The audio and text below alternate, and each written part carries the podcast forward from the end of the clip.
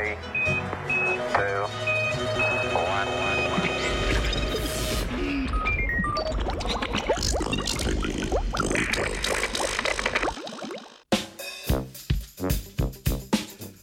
Duh je voljan pršuta. Zagrebške raziskovalke so v reviji Journal of Stored Products Research objavile članek, v katerem se ukvarjajo z vprašanjem, ali je mogoče dalmatinski pršut pakirati v biorazgradljivo embalažo in hkrati ohranjati njegove prvotne senzorične lastnosti.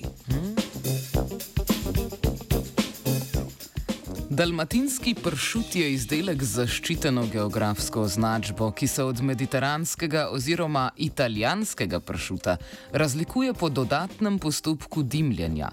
Dim poskrbi za specifično aromo in okus končnega izdelka, hkrati pa ustvari zaščitno plast na površini pršuta, ki ga ščiti pred razvojem žarkosti.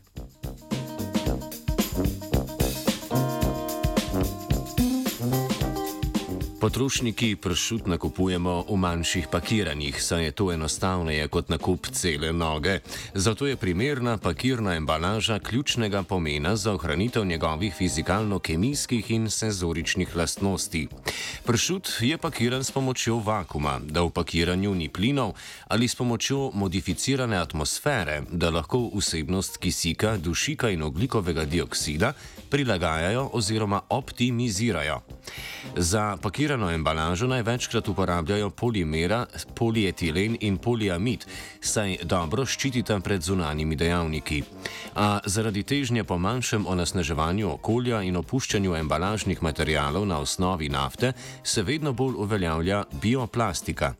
Eden izmed razgradljivih biopolimerov je polilaktična kislina oziroma polilaktid, ki jo pridobivajo iz koruze, sladkorja, melase ali drugih obnovljivih virov.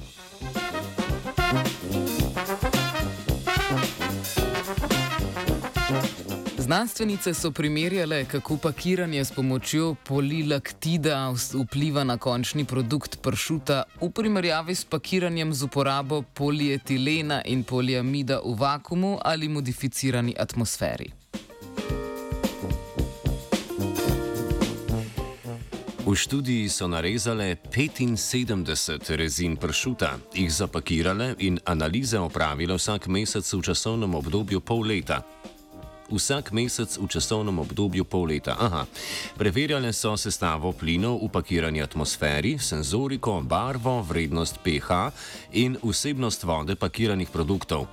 Določili pa so tudi proteinsko oksidacijo s kromatografijo in lipidno oksidacijo s pomočjo spektrofotometrije.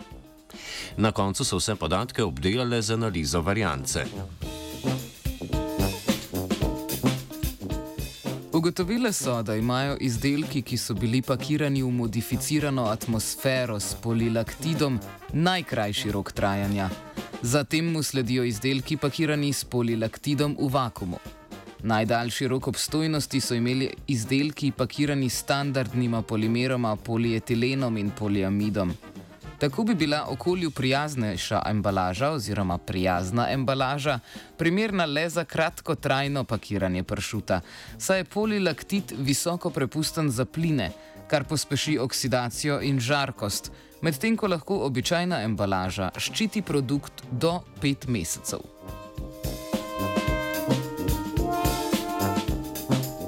Da se pršut odpreš, pa ga požreš, ne? Tako da bi še šlo, ne? Pršutarno bi odprla Jana.